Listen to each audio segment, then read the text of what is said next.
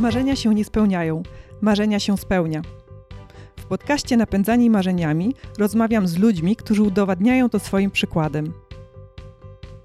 Nazywam się Joanna Borucka i jestem założycielką firmy Katalog Marzeń, oferującej prezenty w formie przeżyć.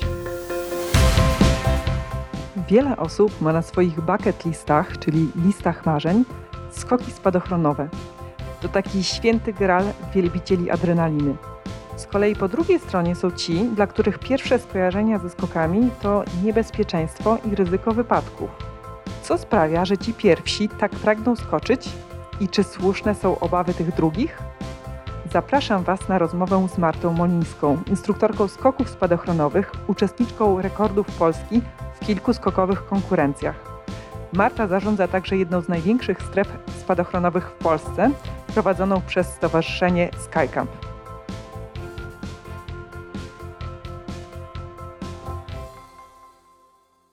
Cześć Marta.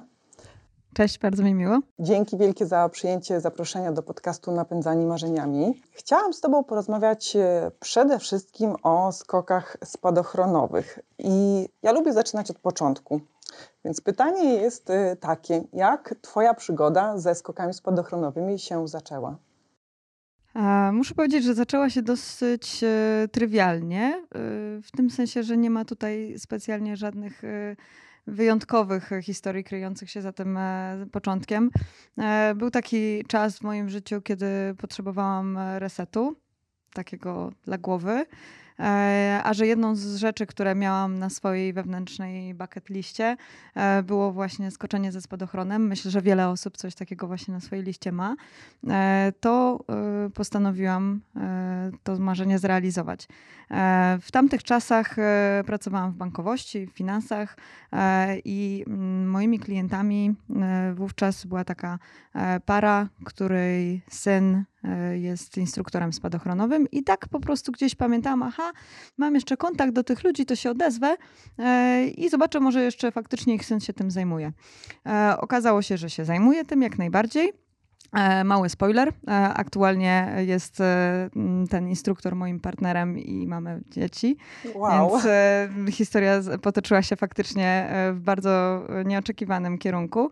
E, także czasami jest tak, że zupełnie drobne decyzje w życiu przeradzają się w takie kamienie milowe e, życiowe, które mm, zupełnie wykolejają twoje życie i e, nadają mu zupełnie nową e, jakość i koloryt. I tak też było w tym przypadku. Natomiast wracając do tego początku, zadzwoniłam do nich i zapytałam, czy mogą mnie pokierować dalej. Oczywiście skierowali mnie do Sebastiana. Sebastian z kolei skierował mnie na lotnisko. Wiadomy kierunek. I przyjechałam, żeby skoczyć ze spadochronem. E, wszystko odbywało się absolutnie normalnie, w tym sensie, że ja dzisiaj wiem, że to jest normalnie, natomiast ja przyjechałam pełna emocji, e, podekscytowania, ręce mi się trzęsły. E, dzisiaj oczywiście trochę się z tego śmieję, ale miałam w domu spisany testament na wypadek, gdyby oczywiście zdarzyło się tak, że nie wrócę z tego lotniska. Natomiast sama przygoda to było coś tak absolutnie dużego i ciężkiego, jeśli chodzi o jakby powiedzmy ciężar tych emocji, e, że mm, tego po prostu nie sposób w ogóle opisać. Ja tak naprawdę, gdyby nie to, że miałam filmowanie i zdjęcia wykupione do tego skoku, to ja bym naprawdę w większości nie pamiętała. Ja w ogóle nie pamiętałam po wylądowaniu pierwszych 10 sko sekund skoku. Tak duży był to e, ciężar emocji. E, natomiast rzeczywiście ten skok to było coś absolutnie fenomenalnego. To był skok w tandemie. Tak, jak najbardziej. Skok w tandemie z instruktorem e, i sam wyskok, e, swobodne spadanie, ten moment, w którym siedzisz na progu samolotu, to jest coś tak dystansującego do życia, które zostawiasz na ziemi, że naprawdę nie sposób tego opisać słowami. Siedzisz na tym progu i wydaje ci się, że no nie, no zaraz umrzesz. Po prostu to jest to. To jest ten moment, w którym kończy się twoje życie. A potem wypadasz z tego samolotu i wiesz, że ono właśnie się zaczęło. Naprawdę. To brzmi trochę może poetycko i romantycznie, ale naprawdę tak było. Wiesz co, naprowadziłaś mnie na e, kilka pytań. E, chciałam zacząć od tego, jak to jest w ogóle, że od tego testamentu, że ty wychodzisz z domu no, z takim mm, przeświadczeniem, że możesz nie wrócić.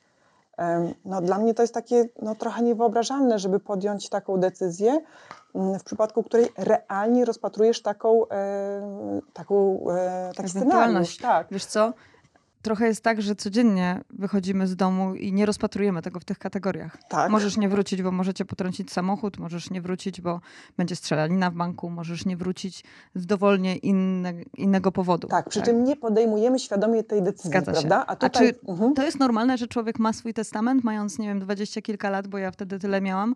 Ludzie nie piszą testamentów, mając tyle lat prawda? Po prostu ani najczęściej nie mają jeszcze zgromadzonego, powiedzmy, dobytku w takiej wielkości, żeby to miało sens, e, ani nie myślą w kategoriach, że nie wrócą do domu.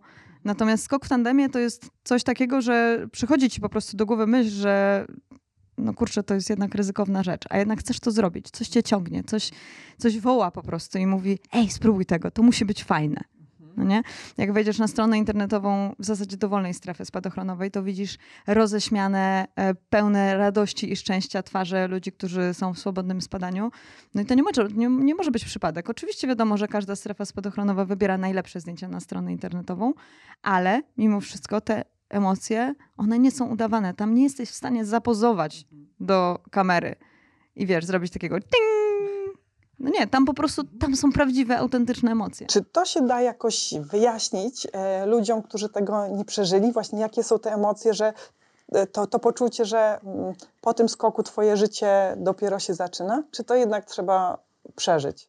Powiem tak, e, to jest bardzo indywidualna kwestia, bo każdy ma zupełnie inną wrażliwość, inne doświadczenia życiowe, e, inne, mm, inną perspektywę na to, co przeżywa i inne poziom empatii, załóżmy. Mhm.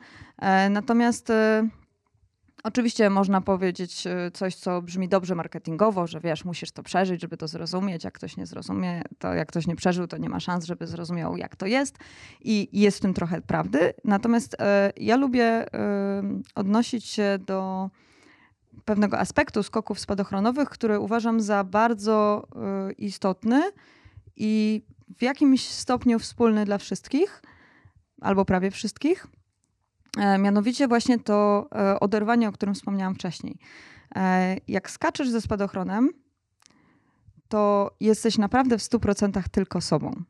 Bo zobacz, tutaj na Ziemi jesteś albo pracownikiem, albo mamą, albo szefową, albo teściową, albo synową, albo tak. Cała masa kontekstów, tak? Jest, y, masz, tak naprawdę żyjemy jako społeczność y, w, w, w, miastach, w państwach, w rodzinach, y, w mniejszych lub większych społecznościach.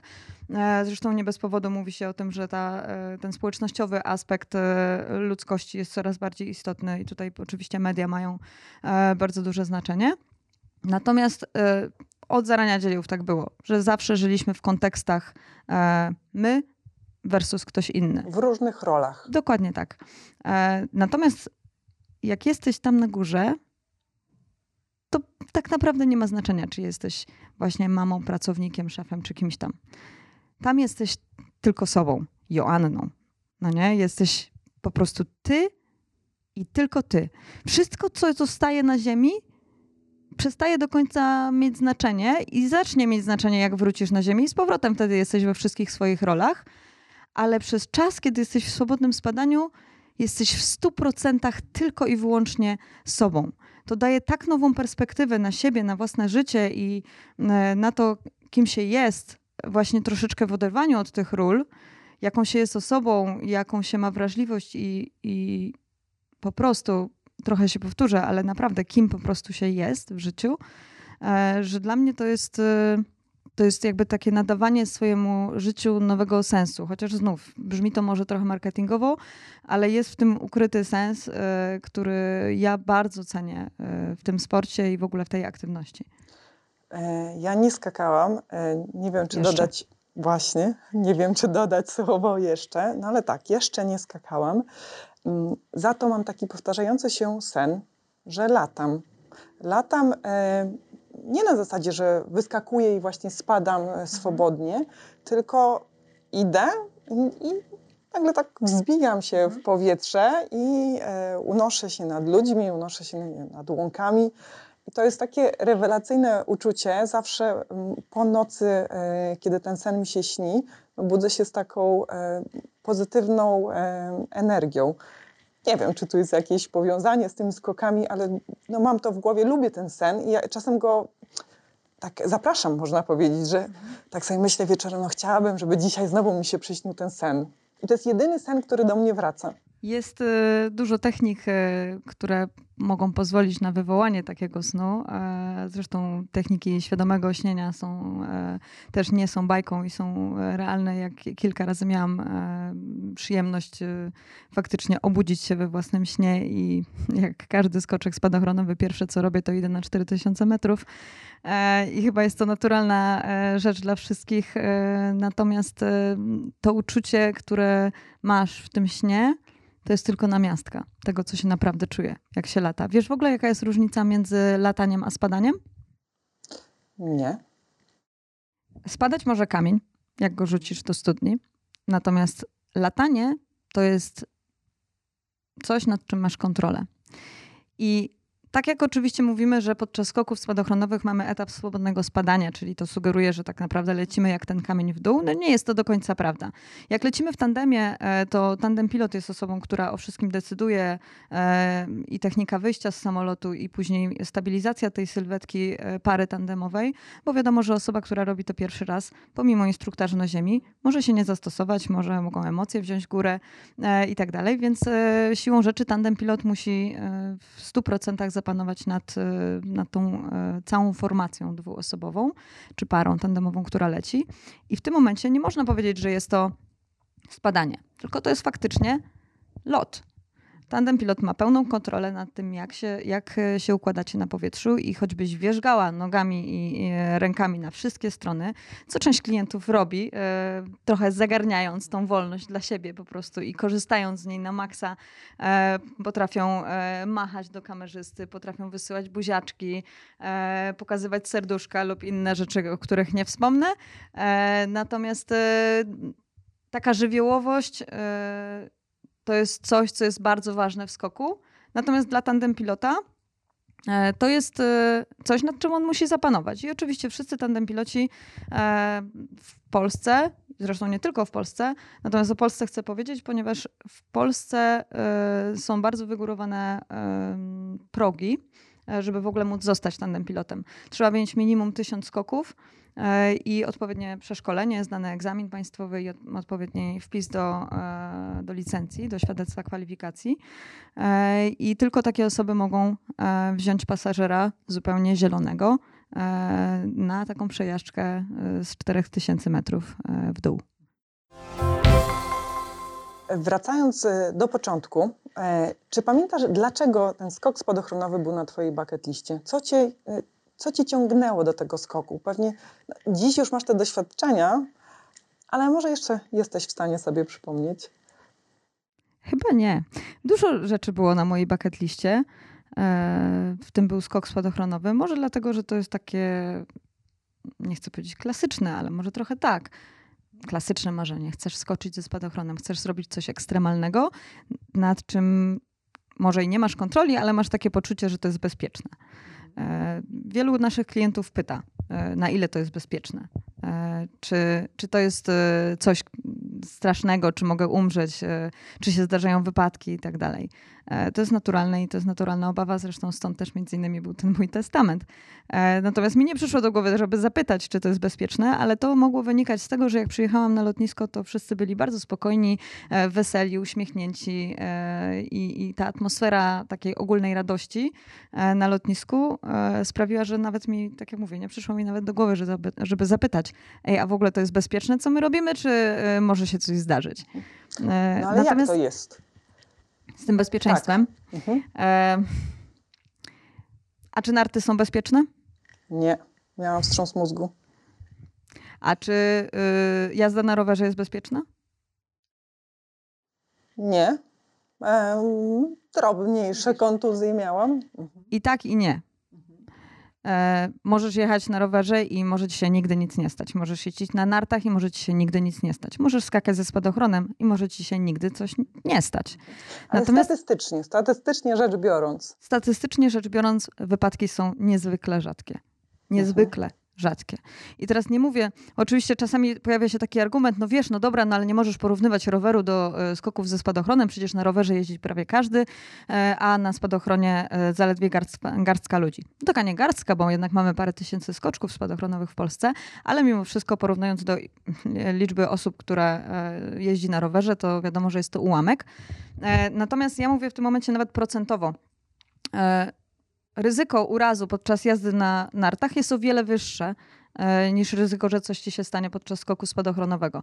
I jeżeli w ogóle to ryzyko e, istnieje to powiedzmy liczone w promilach, e, to mówimy głównie o skokach samodzielnych, kiedy sama e, sterujesz spadochronem, decydujesz o tym, kiedy zaciągnąć spadochron do lądowania, e, jak to wygląda podczas właśnie tych skoków i w kursie na samodzielnego skoczka i później tych samodzielnych. Natomiast podczas skoku tandemowego, no wszystkim zajmuje się tandem pilot, więc to tak naprawdę on decyduje i o tym, że w ogóle idziemy na skok, czyli ocenia warunki pogodowe pod kątem zachmurzenia, wiatru, kierunku tego wiatru, siły i tak dalej. E, natomiast e, ty skąd masz wiedzieć, czy, czy, warunki są odpowiednie do skoku? Oczywiście czasami będą jednoznaczne, e, huragan, wiatr i tak dalej, i, i nie wiem, jakieś mega opady. Natomiast czasami na przykład niebo jest błękitne, wygląda super, a nie skaczemy. Klienci czasami się e, irytują wtedy, no bo mówią, no halo, no przecież jest piękna pogoda, jest wspaniale, dlaczego nie lecimy? A my na przykład widzimy w komunikatach pogodowych, że na dużej e, wysokości jest bardzo silny wiatr e, z niekorzystnego kierunku względem lotniska i wiemy, że taki skok nie byłby bezpieczny. Więc wracając do kwestii bezpieczeństwa, zarówno decyzja o tym, czy idziemy do samolotu, czy nie, jak i sama technika lądowania to wszystko po stronie ludzi, którzy zajmują się tym e, najczęściej całe życie e, i zjedli zęby na temacie. Więc szczerze, w moim odczuciu skoki spadochronowe to jest jedna z naprawdę takich aktywności bardzo ekstremalnych z jednej strony pod kątem tego, co dostajesz od skoków, a z drugiej strony naprawdę e, zaawansowane są już e, techniki e, i przewidywania pogody i sposoby szkolenia nawet tych właśnie młodych skoczków, żeby unikać jakichkolwiek kontuzji. Nie mówię, że one się w ogóle nie zdarzają, natomiast jeżeli się zdarzają, to one głównie dotyczą, tak jak mówię, skoczków samodzielnych. Pozostaje jeszcze kwestia taka, mm, która brzmi e, dramatycznie. A co jak się nie otworzy spadochron? To jest takie Właśnie. pytanie, które się często pojawia, prawda? A co jak on się nie otworzy? E, te dzisiejsze systemy spadochronowe, one też e, są zupełnie inne niż w dawnych czasach. Wielu ludzi e, spadochron kojarzy z, takim, z taką okrągłą pieczarką, białą najczęściej, która nie ma specjalnie żadnej sterowalności i tam, gdzie człowiek zostanie rzucony, to tam musi lądować. Tak to też nie wygląda dzisiaj.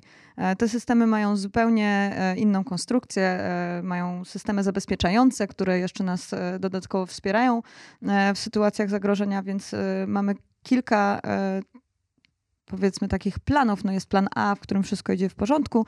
Mamy plan B, czyli mamy spadochron zapasowy. Mamy też plan C nawet, e, którym jest automat spadochronowy, taki mały komputerek ukryty w spadochronie, e, który w razie czego sam otworzy nam spadochron zapasowy, jeżeli na pewnej krytycznej wysokości będziemy lecieć nadal zbyt szybko. E, więc jest kilka takich systemów, które to e, wspomagają czy, e, czy zabezpieczają dodatkowo. I statystyka mówi, że w przypadku skoczków samodzielnych mniej więcej raz na tysiąc skoków zdarza się, że spadochron główny nie otwiera się prawidłowo. To nie jest to, że on się nie otwiera on się nie otwiera po prostu prawidłowo. Być może linka e, na przykład przejdzie nad czaszą spadochronową, e, być może będzie to jakiegoś innego rodzaju e, awaria, albo linki skręcą się wokół własnej osi. Różne są e, sytuacje, natomiast e, procedura awaryjna jest prosta. Wypinamy spadochron, który się nie nadaje do lądowania i otwieramy drugi, który na pewno się nadaje do lądowania, ponieważ on ma zupełnie inną konstrukcję techniczną, e, ma inny system otwarcia I tutaj powiedzmy ta niezawodność jest e, no niemalże stuprocentowa. E, także pod tym względem e, te, te, powiedzmy ci skoczkowie samodzielni mu, muszą się liczyć z tym, że mniej więcej raz na tysiąc skoków może się zdarzyć, że ten spadochron otworzy się nieprawidłowo. W przypadku skoków tandemowych ta e, statystyka jest jeszcze bardziej optymistyczna, bo mniej więcej raz na 5000 skoków tandemowych e, zdarza się, e, że trzeba zmienić spadochron główny na zapasowy. Ile skoków oddałaś? 2400 coś tam. I jak twoja personalna statystyka potwierdza? Moja e, personalna statystyka tego nie potwierdza, ponieważ e, ja jeszcze nie miałam e, żadnej awarii. Natomiast tutaj muszę zrobić ukłon w stronę naszych układaczy, ponieważ to głównie oni właśnie składają za każdym razem mój sprzęt, który otwiera się perfekcyjnie w każdym moim skoku. Super. I póki co odpukać, niech tak zostanie. Natomiast wiem, że nawet jeżeli przyjdzie taki moment, w którym będzie trzeba wypiąć spadochron główny i otworzyć zapasowy, to ja wiem, że on jest złożony na pewno tak, że otworzy się prawidłowo. Bo spadochrony zapasowe w ogóle są układane przez zupełnie innego rodzaju układaczy, takich mechaników spadochronowych, w naszym środowisku zwanych riggerami z angielskiego. E, i oni e, muszą mieć osobne uprawnienia do tego, żeby w ogóle móc układać spadochrony zapasowe. Mhm. Czyli je się no, układa bardzo rzadko, rozumiem, i one są w tym ułożeniu na stałe, tak? Więc... Y, Nie do końca. Okej. Okay. E, jak masz samochód? Mam. Musisz robić przegląd? E, tak. Raz na rok trzeba zrobić przegląd techniczny, czy wszystko jest w porządku. Nawet jeżeli jest idealnie, to tak czy inaczej trzeba go zrobić. No nie? I tutaj jest dokładnie tak samo, z tym, że ten przegląd robimy raz na 6 miesięcy. Okay. Czyli spadochron zapasowy trzeba rozłożyć, przewietrzyć i złożyć jeszcze raz. Jeżeli on by tam lata tkwił w tym e, małym plecaczku, no to wiesz, być może jest przechowywany w wilgotnym e, pomieszczeniu, być może dostanie się jakiś piasek albo jakieś inne zanieczyszczenia. Na to nie możemy sobie pozwolić. E, jednak mówimy o skokach e, ze spadochronem, także jest to aktywność, w której naprawdę chcemy mieć działający plan B. E, a nie taki, na który e, tam machamy ręką i no dobra, to tam e, jakoś to się uda. No nie? My nie zostawiamy tutaj niczego przypadkowi. Chcemy mieć sprzęt, który jest sprawdzony pod każdym możliwym kątem, więc raz na 6 miesięcy każdy spadochron przychodzi dodatkowy przegląd. Brzmią bardzo nie wiem, czy imponująco jest odpowiednim słowem e, te procedury bezpieczeństwa, ale na pewno mnie osobiście uspokajają. Chcę wrócić do tego pytania o, o to, czy pamiętasz, e, co, co Ciebie ciągnęło do tego pierwszego skoku, bo e, chciałabym też zrozumieć, co innych ludzi do tego ciągnie, bo skoki spadochronowe, no znowu, nie wiem, czy to odpowiednie słowo, ale mam takie poczucie, że są modne, że coraz więcej osób chce skakać i w tym wydaniu nazwijmy to rekreacyjnym, tandemowym, żeby po prostu e, poczuć, jak to jest, ale też e, wydaje mi się, e, wydaje mi się, zaraz Ciebie zapytam o statystyki, że jest coraz więcej osób, które robią uprawnienia mm, do, do samodzielnych skoków. Więc dużo pytań na raz okay. zadałam. To... Zacznijmy od tego, mhm. co ludzi ciągnie tak. do tego. E, I rzeczywiście robi się to coraz bardziej e, popularne i modne. Zresztą mnie to bardzo cieszy, bo e, to jest tylko dowód na to, że robimy coś, co przynosi ludziom dużo dobrego. Daje im mnóstwo satysfakcji, takiej osobistej, e, daje im poczucie spełnienia marzenia, daje im niesłychane możliwości rozwoju. E, o tym mogłabym mówić naprawdę godzinami, na tyle nie mamy dzisiaj czasu, ale, ale zapewniam cię, że to jest temat rzeka. E, I, i każdy człowiek wynosi z tego coś innego dla siebie. I myślę, że te, tak jak mówiłam wcześniej o tej indywidualnej wrażliwości, wydaje mi się, że to też jest tak samo z tym pierwszym skokiem. Co innego nas ciągnie? Ktoś chce sobie coś udowodnić. Ktoś inny e, chce przeżyć po prostu niezapomnianą przygodę. E, ktoś inny e, chce poczuć, jak to jest latać. A ktoś inny chce się tego nauczyć. W moim przypadku było tak, że ja chciałam tylko spróbować. Po prostu zobaczyć no halo, mam jeszcze całą masę innych rzeczy na swojej liście, tak? Po prostu to była jedna z nich. Natomiast po otwarciu spadochronu mój instruktor zajął się e, ogarnięciem tego wszystkiego. Ja przeżywałam, był oddech przyspieszony i tak dalej. Wiadomo, dużo się działo i w głowie, i w sercu i tak dalej. Natomiast pierwsza moja myśl, co muszę zrobić, żeby robić to zawodowo, tak jak wy. Czyli nawet nie rekreacyjnie. Co muszę zrobić, żeby całkowicie wywrócić moje życie do góry nogami i zostawić tą bankowość i finanse i zacząć skakać ze spadochronem. No to odpowiedź była, e, powiedziałabym, taka e, może nie e, zachęcająca, ale taka, która była też realna. Dlatego, że tak, e, Dragon powiedział, to był mój tandem pilot wtedy, e, powiedział tak, o słuchaj, żeby zawodowo to robić, to poczekaj, po, po, kolei. To najpierw jakby małymi kroczkami. W pierwszej kolejności musisz się zapisać na kurs spadochronowy. E, potem zrobić ten kurs, zdać wszystkie e, ćwiczenia, które w tym kursie są. Potem musisz zacząć skakać. Najlepiej e, skakać intensywnie, jak najczęściej, bo im rzadziej skaczesz, tym dłużej się uczysz. To jest tak jak z każdym procesem uczenia się. Im intensywniej coś robisz, im bardziej się temu poświęcasz, tym lepsza ta twoja krzywa uczenia się po prostu. Więc musisz się temu poświęcić, musisz być cały czas na lotnisku, musisz przyjeżdżać, musisz skakać, a dopiero potem będziesz zdobywać uprawnienia. Najpierw 500 skoków, żeby zostać instruktorem takim naziemnym i uczyć ludzi tylko teoretycznie, czyli robić dla nich zajęcia teoretyczne na ziemi. A potem, jak będziesz mieć tysiąc skoków, to możesz zostać albo tandem pilotem, tak jak e, ja właśnie z tobą lecę, albo e, możesz e, uczyć ludzi e, latać. I tak jak ścieżka tandemowa nigdy specjalnie mnie nie, e, nie pociągała, tak myśl o tym, że mogłabym nie tylko latać non-stop i skakać, co jeszcze przekazywać to innym, to było coś tak niesamowitego i tak e, fantastycznego w mojej głowie, ale jednocześnie tak odległego, że mm, zgodnie z mm, taką powiedzmy zasadą wyznaczania sobie celów, tak żeby one były ograniczone w czasie, ale też realne, ale też ambitne i tak dalej, te cele SMART e, w bankowości non-stop, jakby o tym jest mowa, więc miałam to w miarę na świeżo, ale wyznaczyłam sobie taki cel i chciałam bardzo zostać instruktorem. E, co nie było o tyle łatwe, że i wtedy miałam małe dziecko, i y, kredyt hipoteczny na głowie, i zobowiązania, i tak dalej, więc jakby było parę takich elementów dookoła tego tematu, które mogły y, gdzieś tam to zatrzymać. E, natomiast y, bardzo mocno wierzę w to, że jeżeli ktoś się czemuś poświęca w 100%, to, to po prostu się to musi udać. Zabrało to kilka lat, ale się udało ja rozmawiam z moimi gośćmi, że to nie jest tak, że coś się udało, tylko zrobiłaś to, w sensie, że nie oddajemy tutaj pola losowi, tylko tak jak opowiadasz, tak, wyznaczyłaś sobie cele i po prostu je konsekwentnie zrealizowałaś. I w którymś momencie rozumiem, że zrezygnowałaś z tego etatu, z tej e, pracy w korporacji i faktycznie ten tak. swój finalny cel osiągnęłaś, czyli dzisiaj e, skaczesz i szkolisz e, innych skoczków.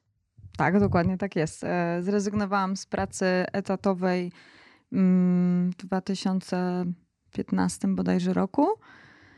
E, I od tamtej pory właściwie niemalże wyłącznie zajmuję się tylko skokami. E, I szkole organizuję skoki pomagam jakby w zarządzaniu e, strefą spadochronową, czy współzarządzam tą strefą e, i zajmuję się e, marketingiem i komunikacją u nas na, na lotnisku i na naszej strefie spadochronowej, także tych ról jest powiedzmy kilka, natomiast każda z nich jest związana właśnie ze skokami. I wracając do tych statystyk, to ile ludzi w Polsce ma uprawnienia do tego, żeby samodzielnie skakać? E, to jest dosyć trudne do policzenia, dlatego że stosunkowo łatwo e, można zdobyć informacje z Urzędu Lotnictwa Cywilnego, e, ile osób ma aktywne uprawnienia. Natomiast część skoczków decyduje się na uprawnienia zagraniczne, ponieważ e, ich e, proces zdobycia jest troszeczkę łatwiejszy niż w przypadku polskich procedur i daje trochę więcej możliwości, to znaczy te, te licencje zagraniczne, tutaj mówię głównie o amerykańskiej, jest bardziej rozpoznawalna na całym świecie i część skoczków, która decyduje się na skoki w wielu miejscach poza Polską, po prostu woli takie uprawnienia. A jeżeli nie planują swojej ścieżki zawodowej związanej ze skokami w Polsce, to tak naprawdę z praktycznego punktu widzenia nie ma żadnej różnicy pomiędzy lotni, e, powiedzmy tą e, licencją polską a, a amerykańską. Można też uzyskać informacje e, właśnie z USPA, ile jest tych licencji wydanych dla Polaków. Więc z danych, które ja posiadam, to mniej więcej mamy około 7-8 tysięcy skoczków spadochronowych w Polsce. Ale znów, e, ilu z nich skacze mm, raz w roku, ilu z nich skacze 100 razy w roku albo 200, e, ile z tych osób nie skakało w ogóle, chociaż ma aktywną licencję. E, bardzo często zdarza się, że ktoś po prostu przestaje skakać, bo nie wiem, albo limitują finanse, albo życie poprowadziło ścieżkę tej osoby w ogóle w innym kierunku. Czasami się zdarza, że kobiety po urodzeniu dziecka po prostu nie wracają do skakania. Także tych powodów może być tyle, ile właściwie osób. E, także realnie trudno określić, ile tych osób e, z uprawnieniami aktywnymi jest. Ja widzę z każdym rokiem, że jest coraz więcej chętnych. I to nie jest tylko kwestia naszego lotniska. Wiem o tym, że po prostu tak rośnie ten rynek i na każdym lotnisku, gdzie odbywają się szkolenia, tych chętnych jest po prostu coraz więcej. Trudno jest temu tak naprawdę e, odpowiednio się, że tak powiem, przygotować i odpowiedzieć, dlatego że y, popyt rośnie, natomiast y, liczba osób, które posiadają te uprawnienia, tak jak mówiłam, ten próg jest bardzo wysoki, jakby liczba instruktorów nie rośnie tak szybko, żeby zaspokoić y, popyt, który rośnie dużo szybciej. Popyt na te skoki tandemowe. Nawet nie tylko tandemowe, tak samo samodzielne. Okej. Okay. A mm, samodzielne, ale wykonywane w ramach kursów jeszcze, tak? Że tak, pod, bo taki jest pod nadzorem. Właśnie.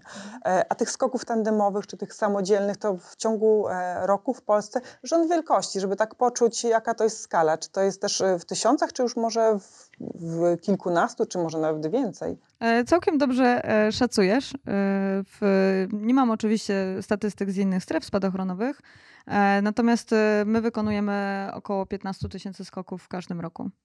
To mega dużo. I to jest tylko nasze Jedna lotnisko. No właśnie. Tak, czyli... Także to jest naprawdę skala i to jest skala, która rośnie w każdym roku.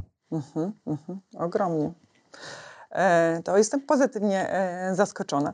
Um, chciałam też Ciebie zapytać o to, e, pytałam o motywację e, ludzi, a też chciałam zapytać Cię o charakterystykę. Czy to jest, czy jest taki określony typ osobowości, że można rozpoznać, że skoki są dla tej osoby, nawet jeśli ona jeszcze nie myślała, to masz takie poczucie, że jak z kimś rozmawiasz, że komuś by ten skok podobał się ogromnie. I w drugą stronę, czy są ludzie, którym byś wręcz odradzała y, skakanie? Był taki czas, kiedy e, zachęcałam wszystkich. To był etap, w którym stwierdzałam, każdy musi tego spróbować. No, oczywiście zawsze tak mówimy, że każdy powinien tego spróbować. E, I trochę tak jest, e, bo jeżeli mówimy o skokach tandemowych, to uważam, że e, z powodów tych, o których mówiłam, jeśli chodzi o powiedzmy to takie oderwanie od kontekstów, o, o radość, która z tego płynie i tak dalej, to uważam, że to jest na tyle wzbogacające doświadczenie, że każdy chociaż raz w życiu powinien tego spróbować. Ale czy skoki są ogólnie dla każdego, to nie. Typ osobowości, czy e, temperamentu i tak dalej, tutaj można by się pewnie doktoryzować w temacie. Natomiast rzeczywiście spośród ludzi, którzy przyjeżdżają na lotnisko, czasami jest tak, że po prostu wiesz, że to jest to, że po prostu to są te same fale, że nadajemy właśnie na tych samych falach, że to jest podobny rodzaj energii, która jest e, w danej osobie i są momenty, w których po prostu wiesz, że ta osoba naprawdę będzie tu pasować. Jest e, taka jedna studentka, e, już teraz nie studentka, która w, to było w zeszłym roku, skoczyła w tandemie i bardzo chciała skakać samodzielnie. Pełnoletnia, aczkolwiek powiedziała, że jej rodzice są bardzo przeciwko. E, i nie chciała, no nie chciała robić niczego wbrew rodzicom, e, więc rozmawiała z nimi wiele razy. E, ja z nią rozmawiałam wielokrotnie przez, przez telefon, zanim zapisała się na ten kurs. I, I to była taka droga, którą musiała przejść nie tylko sama ze sobą, ale właśnie też z najbliższym otoczeniem, bo to jest też czynnik, który ma bardzo duży wpływ na to, czy dana osoba skacze, czy nie. I Gabrysia miała trochę tych trudności po drodze, żeby przekonać y, rodziców. Y, ostatecznie zdecydowała się przyjechać na lotnisko. I to jest jedna z tych osób, które wiesz od początku, że będą czerpać z tych skoków 100, a nawet 200%, że każdy skok po prostu daje jej tak strasznie dużo, tak każdy weekend, który spędza na strefie, po prostu sprawia, że wraca do domu dwa metry nad ziemią. Nie, nie jedzie samochodem. Ten samochód się unosi razem z nią dwa metry nad ziemią, jak wraca e, do domu. Także są takie osoby, które po prostu czerpią z tych skoków naprawdę bardzo, bardzo dużo. E, I trochę tak jak mówiłam, każdy z tego wyciąga coś innego dla siebie, ale rzeczywiście e, taka otwartość, naturalna radość życia to są elementy, które sprawiają, że człowiek dobrze się czuje na lotnisku, bo otacza się po prostu ludźmi, którzy mają mniej więcej tą samą energię. No, kusi mnie, żeby zadać Ci pytanie o ten rozwój. Powiedziałaś, że to można byłoby długo na ten temat, ale w jakiejś takiej pigułce, czy da się chociaż troszeczkę da się w pigułce, Da się w pigułce, chociaż e, będzie to bardzo powierzchowne. E, słuchacze, którzy trochę więcej wiedzą o skokach spadochronowych, od razu przeproszę za bardzo powierzchowne potraktowanie tematu. E, ale tak, kończysz kurs spadochronowy, jesteś samodzielnym skoczkiem. Co to oznacza? Możesz skakać bez instruktora w powietrzu, ale to nie znaczy, że jesteś już całkiem samodzielna. Jesteś dalej studentem, nie masz jeszcze uprawnień, więc możesz Sama nie decydujesz, kiedy możesz skakać, kiedy nie. Decyduje o tym instruktor. E, sama nie decydujesz o tym, na którym spadochronie możesz lecieć, bo one mają różne rozmiary. Też decyduje o tym instruktor. Natomiast w samym skoku jesteś sama. E, I oczywiście lądujesz sama, ale to zawsze tak jest. E, natomiast co dalej?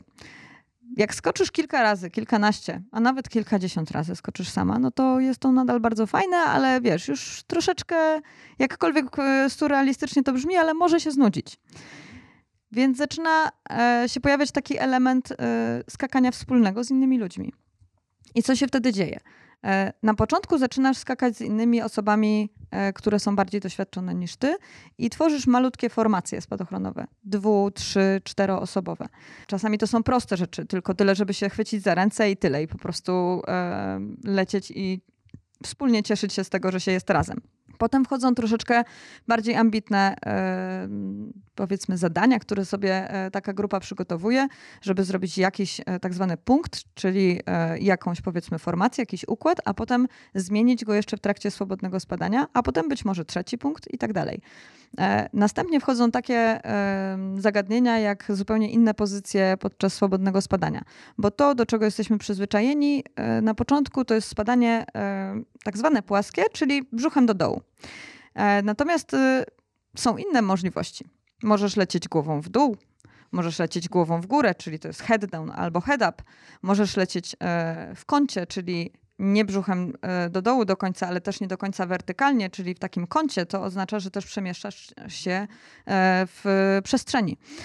To musi być odpowiednio zaplanowane, nie może być chaotyczne, to musisz wiedzieć, w którą stronę lecisz. To nie jest tak, że po prostu tak jak, tak jak wyjdzie, tak polecisz. E, ponieważ są jeszcze inne grupy e, w wyrzucie. I tak jak mówię, można by oczywiście się rozwodzić i tak dalej, ale to jest kolejny etap e, rozwoju. Najczęściej skoczkowie, którzy opanują już latanie na brzuchu, zaczynają eksplorować inne właśnie pozycje podczas swobodnego spadania, tak jak mówiłam właśnie w tak zwanym kącie, albo wertykalne pozycje, tak zwane free flyowe. E, ale oprócz tego jest cała masa jeszcze innych kierunków e, rozwoju, w których można pójść. Na przykład e, skoki wingsuitowe, czyli w takich kombinezonach jak latające wiewiórki. To się najczęściej ludziom ten, w ten sposób kojarzy, więc, więc do tego się odwołam. Co jeszcze? Można na przykład robić skoki z balonu, które są w ogóle zupełnie inne, ponieważ nie masz samolotu, który się z tobą przemieszcza, tylko jesteś jakby zawieszona i nie ma hałasu, nie ma pędu powietrza i tak dalej, skaczesz nie w próżnię oczywiście, bo tak często słyszę coś takiego, że lecisz w próżnię. Nie lecisz w próżnię, oczywiście lecisz w powietrzu, ale lecisz bardzo swobodnie i dopiero na, rozpędzając się nabierasz tego, e, tych, tych struch powietrza i dopiero masz jakąkolwiek e, manewrowalność, że tak powiem. Są skoki w nocy, są skoki z szybowców lub innych w ogóle statków powietrznych e, oraz e, są też takie kierunki, które y, są bardzo dobre dla ludzi, którzy lubią rywalizację i masz y, różnego rodzaju zawody które też, w których też jest niezliczona ilość konkurencji. Naprawdę jest ich bardzo dużo. Są tak zwane fourwaye, czyli zespoły czteroosobowe, które mają zadanie stworzyć odpowiednio, odpowiednie punkty, które są losowane są e, podobne e, zespoły, tylko właśnie nie, nie latające płasko, tylko właśnie wertykalnie, tak zwane VFS. Są zawody w canopy pilotingu, czyli w pilotowaniu czaszy spadochronowej, gdzie też są cztery subdyscypliny. Są dyscypliny freeflyowe, freestyle'owe, przepraszam, i cała, cała masa innych, które dotyczą tylko i wyłącznie zawodów. Masz rekordy. E, rekordy w największych formacjach płaskich, wertykalnych, e, jednopunktowych, wielopunktowych. Tak naprawdę, e, jak czasami rozmawiam z moimi niespadochronowymi znajomymi, to jak oni słyszą, że są w ogóle jakieś zawody spadochronowe, to taka, to co, to, to na celność lądujecie, jak rozumiem.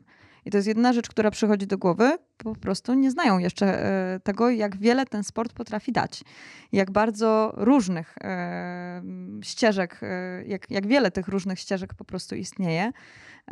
Oczywiście lądowania na celność też są, jako jedna z dyscyplin, ale tak jak mówię, to jest jedna z kilkudziesięciu co najmniej.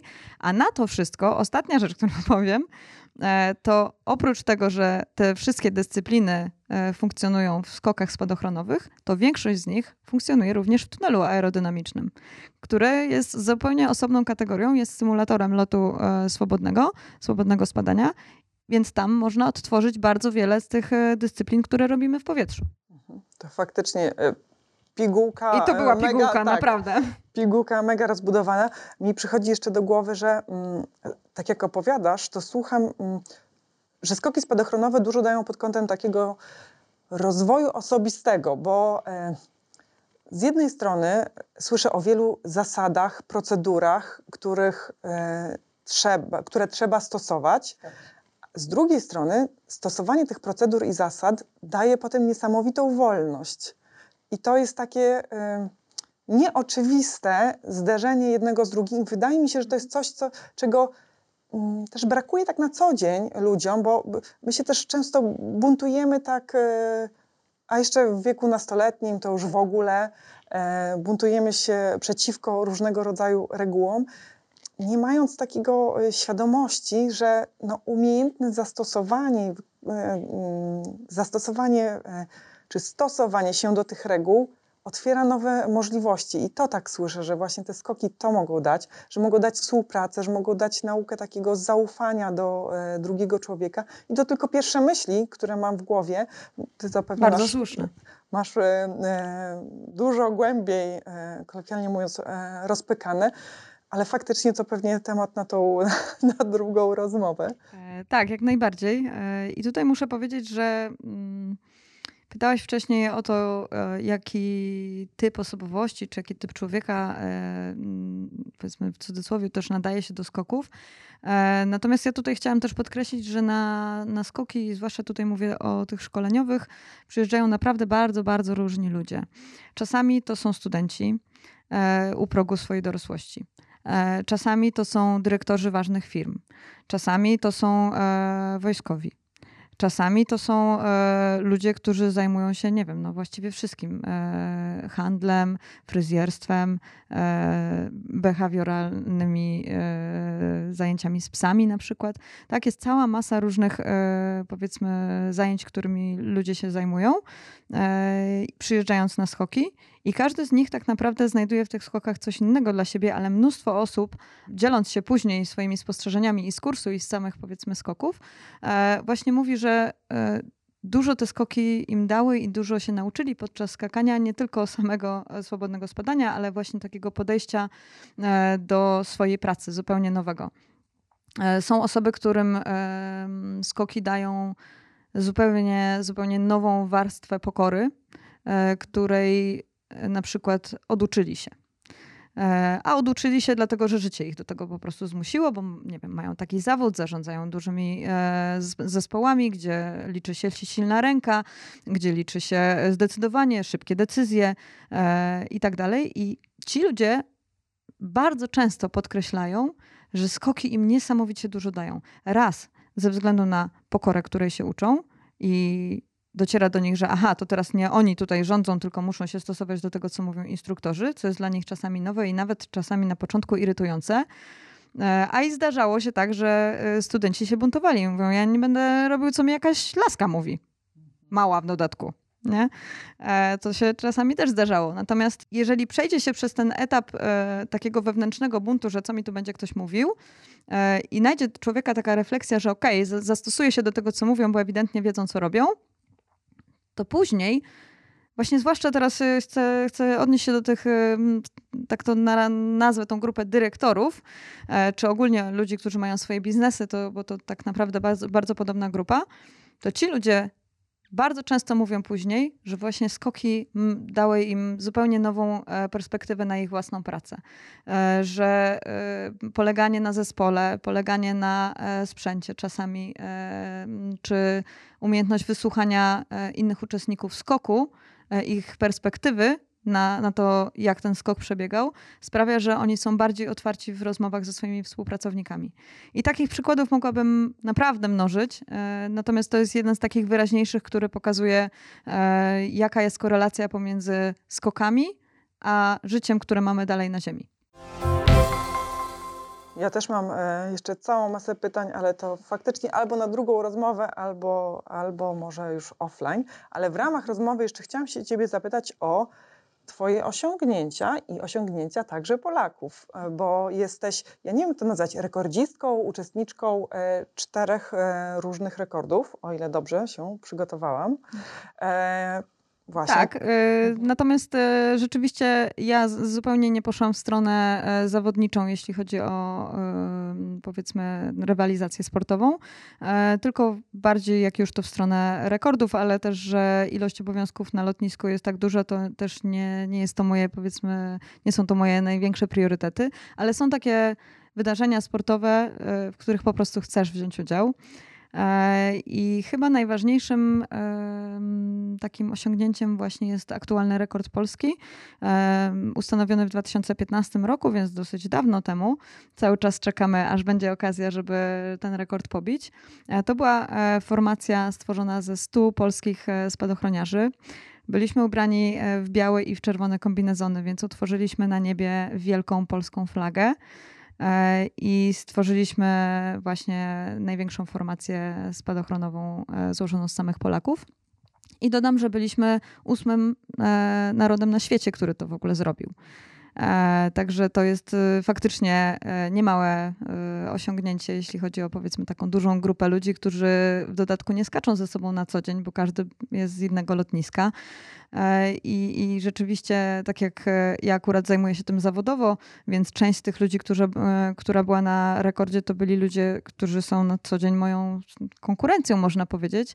A na te parę dni, kiedy byliśmy na rekordzie, te wszystkie wiesz, podziały i kwestie konkurencyjności i tak dalej, to wszystko zostało odłożone na bok i byliśmy tylko i wyłącznie my, spadochroniarze, e, rekordziści przyszli dopiero, e, ale, ale było to naprawdę bardzo fajne, oczyszczające doświadczenie. Ale muszę też powiedzieć, że e, tak jak wszystkie inne rekordy, które były kobiecymi rekordami, były świetne, tak ten jeden konkretny był naprawdę wyjątkowy, dlatego że raz tak, wyobraź sobie, że trenujesz w upale, 40 prawie stopni, jesteś w pełnym rynsztunku, czyli kombinezon, spadochron, kask na głowie, wysokościomierz na ręce i tak dalej. Wszystko masz na sobie. Trenujesz dwie godziny, zanim pójdziesz do samolotu i nie ty jedna, tylko 100 innych osób, a właściwie więcej, bo jeszcze byli kamerzyści, którzy też z nami trenowali. E, I dopiero po tych dwóch godzinach zmordowana idziesz do samolotu i dopiero teraz czeka cię najtrudniejsze zadanie, czyli e, każdy uczestnik tego rekordu miał dokładnie swoje miejsce w formacji. Jakby dwie osoby się zamieniły, to już nie ma rekordu. Naprawdę, więc, wow. E, więc tutaj nie ma żartów. Musi być wszystko dokładnie tak, jak na obrazku przedstawionym sędziom, e, którzy później to oglądają właśnie z tych nagranych filmów. E, mieliśmy 10 skoków e, zakontraktowanych i w ciągu tych 10 skoków trzeba było e, ten rekord zrobić. I powiem szczerze, że pierwsze skoki według kapitanów sektorów, bo cała formacja była podzielona właśnie na sektory i każdy sektor miał swojego kapitana, no to muszę powiedzieć, że kapitanowie nie byli zbyt optymistyczni na początku, a wręcz miałam wrażenie, że są lekko zrezygnowani. Ale z każdym skokiem cała grupa się zaczynała dogrywać, e, były jakieś roszady, ktoś gdzieś się wymieniał i tak dalej. Zmierzaliśmy jakby już do e, końca tego wydarzenia, a nadal jeszcze nie udało się tego rekordu zrobić. Czasami brakowało bardzo mało, ale na przykład wiesz, ja dolatuję do swojego miejsca, ja akurat byłam osobą, która zamykała nasz sektor, e, więc póki on mi się cały nie złoży, to ja nie mogę zadokować, czyli chwycić za rękę osoby, którą mam docelowo chwycić, żeby zamknąć. E, I jeżeli oni się nie złożą, no to ja nie mogę nic zrobić. Ale nawet jeżeli ja e, zamknę ten swój sektor, to na przykład widzę, że po drugiej stronie formacji wszystko się sypie, a to oznacza, że już na pewno nie odbudujemy tego w odpowiednim czasie, bo na zadanej wysokości musimy się wszyscy rozejść. Aż 100 osób, żeby się odpowiednio od siebie odseparować do otwarcia spadochronu, to jest niemałe e, zadanie. I mieliśmy skok. E, bodajże dziewiąty, e, gdzie piloci nie byli do końca pewni, czy lecieć, czy nie, bo zaczęły nachodzić jakieś chmury, ale stwierdziliśmy, dobra, e, lećmy, bo prawdopodobnie zdążymy jeszcze przed tymi chmurami. Wznosimy się, było pięć samolotów, e, więc każda grupa w innym samolocie. I na wysokości mniej więcej 4000 metrów, gdzie skoki rekordowe były mniej więcej z, z 6 chyba i pół tysiąca metrów robione, z dodatkową aparaturą tlenową i tak dalej. E, na tych 4000 metrów się na dłuższą chwilę zatrzymaliśmy i po wysokościach widzimy, że e, nie wznosimy się wyżej. Więc zaczęliśmy się trochę martwić, co się dzieje. Ktoś tam oczywiście do pilota się zaczął dopytywać, o co chodzi i plotka się rozeszła po samolocie, że są chmury. E, no i nie wiadomo, czy lecieć dalej, czy nie lecieć, czy zrzucać tych wszystkich ludzi teraz w tą chmurę, czy co. To nie były jakieś tam bardzo duże chmury. One były lokalne, niewielkie. No ale jednak przy tak dużej grupie e, to, to trzeba po prostu bardzo na siebie uważać. E, ostatecznie wznieśliśmy się jeszcze trochę e, i był taki sygnał do wymarszu na zasadzie, dobra, to już zróbmy ten skok, ale nikt nie miał specjalnie wątpliwości, że skoro normalnie skoczymy z 6,5 tysiąca metrów, no to z 4,300 to się nie ma szansy udać, bo nie zdążymy po prostu, jest za mało czasu. I wiesz co, że wszyscy troszeczkę wyluzowali dzięki temu. Tak mi się wydaje, że zeszło takie ciśnienie na zasadzie, dobra, to ten skok nie, czyli spróbujemy w następnym, a teraz po prostu tylko tak treningowo spróbujmy to złożyć na tyle, na ile się uda i zróbmy z tego dobry materiał edukacyjny na następny skok. Składa się ten mój sektor w miarę sprawnie. Dochodzi do tego, że cały jest złożony, czyli ja też dokuję, lecę, no i czekam, aż tam się gdzieś coś innego wywali, nie? Patrzę w dół. Wszystko jest. To jest tak duża formacja, że nie jesteś w stanie objąć wzrokiem, będąc na tym samym poziomie, co się dzieje po drugiej stronie. Więc nie masz 100% pewności, czy wszędzie się wszystko podomykało. Po prostu nie wiesz tego. Ale trzymam tą rękę i nagle, i teraz mówię całkiem serio, i to nie jest żadna konfabulacja, ani żaden marketing, ani żadna metafizyka, ale naprawdę był taki moment, w którym po prostu czujesz, że to jest to. To jest ten moment, w którym udało się ten rekord zrobić patrzysz po innych ludziach i nagle widzisz, że wszyscy mają od ucha do ucha uśmiechy. Czyli wszyscy to poczuli, nie tylko ja. Tak? To nie jest tak, że ja nagle coś sobie wymyśliłam. Wszyscy to po prostu poczuli. Taką energię idącą przez całą tą formację. Że ona się zrobiła symetryczna, że ona jest stabilna i lecimy. Potem słycha, e, każdy słyszy swoje e, w, wysokościomierz akustyczny, e, który daje nam sygnał do tego, żeby się rozejść. Więc puszczamy się, pierwsza fala, czyli najbardziej zewnętrzni, odjeżdżają i jak się rozchodzimy, to ja tylko rozglądając się na lewo i na prawo, widzę, że wszyscy pozostali, którzy się e, oddzielają od formacji, robią tak. Czyli wiadomo, nie masz pewności 100%, ale po prostu czujesz, czujesz to, że to był ten moment, że to się naprawdę udało. Wszyscy jak otwierają spadochrony, to ja po prostu słyszę, jak się drą na tych spadochronach, jak e, z emocji po prostu prawie wybuchają tam. Wylądowaliśmy. E, sędziowie dostali materiał nagraniowy. I po e, tam chyba pół godzinie zebraliśmy się, żeby obejrzeć ten materiał.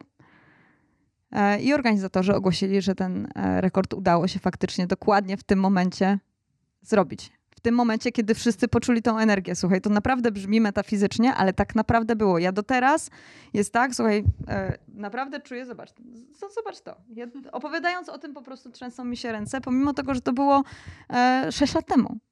Ponad już, bo to było w sierpniu. A w dalszym ciągu traktuję to jako jeden z najwspanialszych skoków w moim życiu.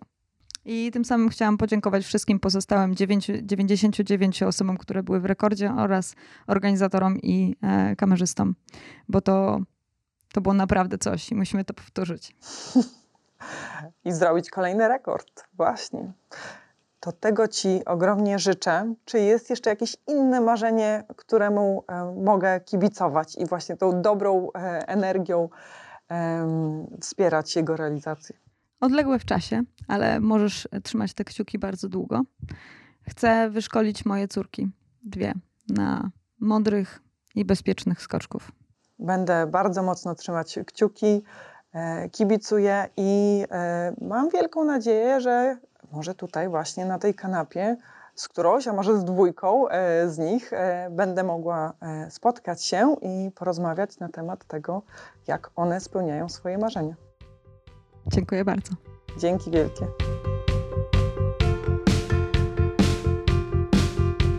Uwielbiam tą energię, którą emanują moi goście, kiedy rozmawiamy o ich pasjach. Po prostu nie da się nią nie zarazić.